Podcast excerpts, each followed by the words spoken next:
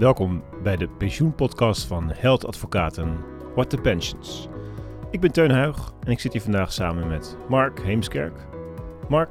Ja, Teun, we gaan het hebben over de volgende uitspraak. Ja! Ja, je zit er al een tijdje op te wachten. Pensioenfonds Campina. Ja, een het mooie hofuitspraak. is echt een hele leuke uitspraak. Het gaat over het opzeggen van de uitvoeringsovereenkomst. Met, En, en we hebben Alcatel-Lucent gehad. Ja, soortge, soortgelijke eh, uitspraak, ook over opzegging. Ja, en, en dat heeft geleid tot een Hoge Raad uitspraak. En hier door Hof... Wat is het? Den Haag. Den Haag, ja. wordt eh, eigenlijk concreet wat body gegeven aan die uitspraak van de Hoge Raad. En wordt die voor het eerst uitgewerkt op een punt die mij totaal niet aanstaat. staat. Ja, ik, ik merk het al aan je. Je kan niet wachten tot, eh, Ja. tot je los op kan ja, gaan. ik, ik kan, er, kan niet wachten. Nee, ik vind echt dat als je het hebt over de, de rechtspraak over duurovereenkomsten, dat die wordt Ja. misbruikt. Zo. Ja. Nou, lekker eh, Johan Derksen-achtige stelling die Ja. je erin gooit. Ja, Heb je, i- is er nog meer? eh? ja zeker meer. ja, ja. dat dacht ik al. Want, want, want dat, is, dat is niet de schuld van Hof Amsterdam, maar ook, ook van de Hoge Raad. En, en, en, maar die hele Hoge Raad, dat is eigenlijk mijn tweede punt, die, is helemaal niet wars. Dus ik zie dat dit ook nog wel gaat vliegen bij de Hoge Raad. Die is niet wars van eh, een pensioenfonds dat eigenlijk eh, optreedt als een soort van collectieve belangenbehartiger. Een soort van claimmotor voor, voor individuele postactieven om hun arbeidsvoorwaardelijke afspraken af te Zo. dwingen. Zo. Ja, dus niet meer gewoon uitvoeren, Ja. maar ook nog een soort, ja, een soort claimstichting. Ja, je kunt, je kunt je altijd nog wenden tot, eh, Je pensioenfonds. tot het pensioenfonds. Ja. Hij komt erop terug. Ehm, en ehm, ik heb nog een punt, dat is de klare taal. Er is, er is, er is vorige, eergisteren is de klare taalbokaal uitgereikt. Dat is voor het meest nou ja, duidelijke ehm, uitspraak in Wij, wij zijn zelf erg voor klare taal, hè Teun? Ja, klare taal. Ja. En deze, deze uitspraak, pa- past die daar niet goed in misschien? Of Ja, is dat, Zo of is zijn wij als juristen sowieso altijd van de comma's? nee, maar dat, we moeten, ik kom daarop terug. Maar er is echt een mooie ontwikkeling gaan in de rechtspraak. Daar Ja. kunnen wij nog wel wat van leren. Hey, hoe zullen we dat doen? Want die uitspraak is eh, meer dan twintig kantjes. Eh, moeten we iets van context geven Ja, over ga feiten? Ja, Of, laat ik dat doen. Laat ik dat doen. Ehm, ehm, eh, zo kort mogelijk, maar het is wel veel.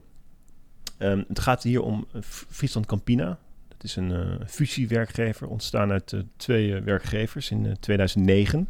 Dat is belangrijk, omdat daardoor binnen de- deze werkgever twee bloedsgroepen zijn. Dus ja. Twee, twee werkgevers. Je hebt de, de, de Friesland eh eh, voedspopulatie en de Campina-populatie. Ja. En eh, de een zit bij het pensioenfonds en daar gaat het over. Ja. En de ander had een verzekerde regeling. Maar allebei zaten ze wel bij dezelfde CO en hadden ze dus eigenlijk dezelfde pensioenregeling, dus dezelfde pensioenopbouw en indexatie. Maar, De uitvoering was dus anders. Ja, dus die een had een pensioenfonds die het hem deed. En de ander had Avero Achmea, een verzekeraar die, die, die, die het verzekerde. Ja. Ehm, nou, en dat heeft er uiteindelijk toe geleid. Ga ik even een sprong maken naar nu, hè, want we zaten in 2009 nu, Ja. 2021, dat de mensen die bij die verzekeraar zaten, 21% of zoiets, echt heel veel meer indexaties hebben gekregen dan die mensen bij het fonds. Ja. Dat is huge, toch? dan eh, hoop je ook dat je bij de goede bloedgroep hebt gezeten, toch? dan hoop je Ja. absoluut dat je daar zit. Want dat is gewoon 1 vijfde. Hey, Kaching. kassa. Hoe komt dat waarschijnlijk? Omdat deze werkgever, die heeft de relatie ten aanzien van beide uitvoerders beëindigd per 1, april, eh, per 1 januari 15. Of- of Vanwege een, eh, een overstap naar een eh bedrijfstak pensioenfonds. Ja. ja. BPF Zuivel, Ja. dat is toen gestart. Ja. En daar moesten ze dus allemaal naartoe. Dus ja, gewoon einde van de uitvoeringsrelatie met die twee anderen. Ja. En die groep die er zo goed af is gekomen bij Avero, eh, die, verzekeraar die kreeg ongeveer 64 miljoen gestort Ja, het gaat, voor om, indexatie. het gaat echt om hele grote bedragen. hè? Ja, is enorm. Hij is echt enorm. En dit fonds, ehm, die, ja, die dacht natuurlijk ook, eh, hè? Ik, ja, ik, En, wij dan? en wij dan? Ja. En dit, was, dit, is, eh, dit is trouwens best wel eh, scherp fonds, moet ik zeggen. Ze hebben een, een behoorlijke historie met de werkgever als het gaat om, eh, om, om afspraken maken over nou ja, de exitbepalingen en zo. Maar ook hebben ze een bindend adviseur tezamen ingeroepen. Dat ging ook over uitvoeringskosten. Ja. Ze hebben nog een keertje aan de bel getrokken. Dus het is allemaal vooraf, hè? eerder. Eh, omdat ze de, eh, de levensverwachting niet goed was verdisconteerd in de premie. Ja, dit verklaart waarschijnlijk ook waarom er twintig kantjes eh, zijn uiteindelijk. Wel, qua feiten ja. ja. Maar ik wil dus ook zeggen, het is een fonds wat scherp is geweest. Maar er is dus ook echt wel gesproken over wat gebeurt er bij een exit, bij een opzegging. Ja. Is niet zo dat, wat dat zie je natuurlijk wel eens, hè, dat partijen de over hebben gesproken of wat dan ook. Kun, kunnen we al komen naar de, naar de kern van de opzegging van de uitvoeringsovereenkomst? Of hebben we nog meer nodig? Nee, nee, ik denk dat we nu ongeveer er wel zijn. Misschien nog één punt, dat is de CO. Ehm, maar dan gaan we dus naar de relatie werkgever-werknemer of Ja. gepensioneerde. In die CAO staat nog steeds dat de indexaties van postactieven ehm ieder jaar worden verhoogd met een bepaalde ambitie. Bijvoorbeeld de prijsindex. Ja. Ehm, dat die wel voorwaardelijk is, dat wel. En dat die verhoging wordt gefinancierd uit de premie. Juist. Dat is belangrijk. Ja. Dat is belangrijk voor het Hof later. Ja, nu kunnen we dus bij die, die dure rechtspraak, ehm, die dus zo misbruikt wordt. Ja. Ja, en ik, ga dat, ik vind dat lastig om dat, om dat snel kort ehm, toe te lichten. Maar er is heel veel rechtspraak over het opzeggen van langdurige relaties, laat ik ze zo noemen. Ja. Heeft niet, niet met pensioen te maken, maar gewoon in het algemeen. En bottom line daarbij is, je mag altijd opzeggen. Je, ja, weet je, je bent gewoon geen slaaf in Nederland. Mhm. Dat bestaat niet. Dus je mag altijd van elkaar af. Maar afhankelijk van de omstandigheden eh, moet je wel drie dingen doen. Of één van die drie, drie dingen doen. Ja. Er moet een goe- goede reden zijn. Dat zou een, een vereiste kunnen zijn. Ja. En of je moet een redelijke termijn in acht nemen. Dus een bepaalde termijn. Ja. En of je moet een schadevergoeding Juist. betalen. Gewoon Geld. geld. Geld. Geld, daar gaat het toch om? Ja, gaat Ja. deze zaak ook om. Ik snap ook niet waarom het niet gewoon alleen geld is. toch? Uiteindelijk vertaalt alles zich in Nee, maar ik bedoel-. Als je zegt van nee, je moet een half jaar in acht nemen. Dan kan je toch ook gewoon zeggen, weet je, ik betaal je gewoon voor een half jaar het geld dat je anders had betaald. Gedurende die maanden. Ja. Ja, oké. Zijsprongetje. Ehm, waar, in mijn visie zijn al deze drie redenen er. Omdat je sowieso van elkaar af kan in beginsel. Ja. Maar om de ander te beschermen, zodat hij niet in één keer ehm failliet raakt, bij wijze van spreken. Gewoon gezien zijn afhankelijkheid van jou. Ja, als je in één keer die eh, overeenkomst beëindigt, eh, dan wil je, niet- moet je niet Sjaak zijn, maar dan moet er een soort vangnetje zijn. Ja, kan je Ja. je voorbereiden op een, ja, een andere markt, een ander product, Ja. andere klanten, nou, noem maar op, dat. Ja. Ehm, en, en, en, en dat noem ik, daarom zeg ik, het wordt hier misbruikt, want ik ga nu kijken naar deze zaak. Ja. En dan zou ik dus denken dat er alleen een schadevergoeding moet worden aangeboden als je anders het fonds omvalt of zo. Of niet meer standalone kan doorgaan. Ja. Dat zou je kunnen voorstellen bij uitvoeringskosten. Bijvoorbeeld. Ja. Je, kunt, je kunt niet meer uitvoeren als Ik- criterium Ja, Ik, ik was ervan uitgegaan omdat wij forever...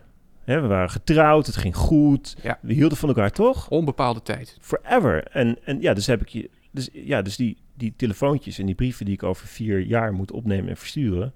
dat kost geld, maar dan had ik niet ja, aan jou willen vragen nu. Maar ja, nu zeg je wel, nu gaan we wel uit elkaar. Ehm, Mhm. Ja, dan, en dan moet je daarvoor betalen. Dat kan ik me voorstellen. Ja. Maar je kunt je ook iets niet voorstellen, Ik kan me blijkbaar. ook iets niet voorstellen. En dat is wat hier speelt. Want hier zegt het Hof, Ja. Kijkend naar de Alcatel-uitspraak, die zegt je moet hier een vergoeding betalen. Ja, dat is toch wel revolutionair, hè? Ja, en dat heeft te maken. nou, dat, dat Nee. valt- nou ja, vooral de, de reden waarom. de reden waarom is namelijk omdat eh, de Hoge Raad zegt eh, in Alcatel-Lucent, het is echt een pensioenzaak, maar Ja, wel ja. over opzeggen. Die zegt, ehm, het kan zijn dat je onder omstandigheden verplicht bent geld te betalen. Mhm. En die noemt dan een trits van omstandigheden. Ja. Ja. Een voorbeeld. En één daarvan is dat hij zegt van ja, als die overeenkomst die wordt opgezegd betrekking heeft op pensioenen waarover de werkgever nog enige verantwoordelijkheid draagt, Ja, dan kan dat een, maken dat je. ja dat, is, dat is een gezichtspunt daarbij.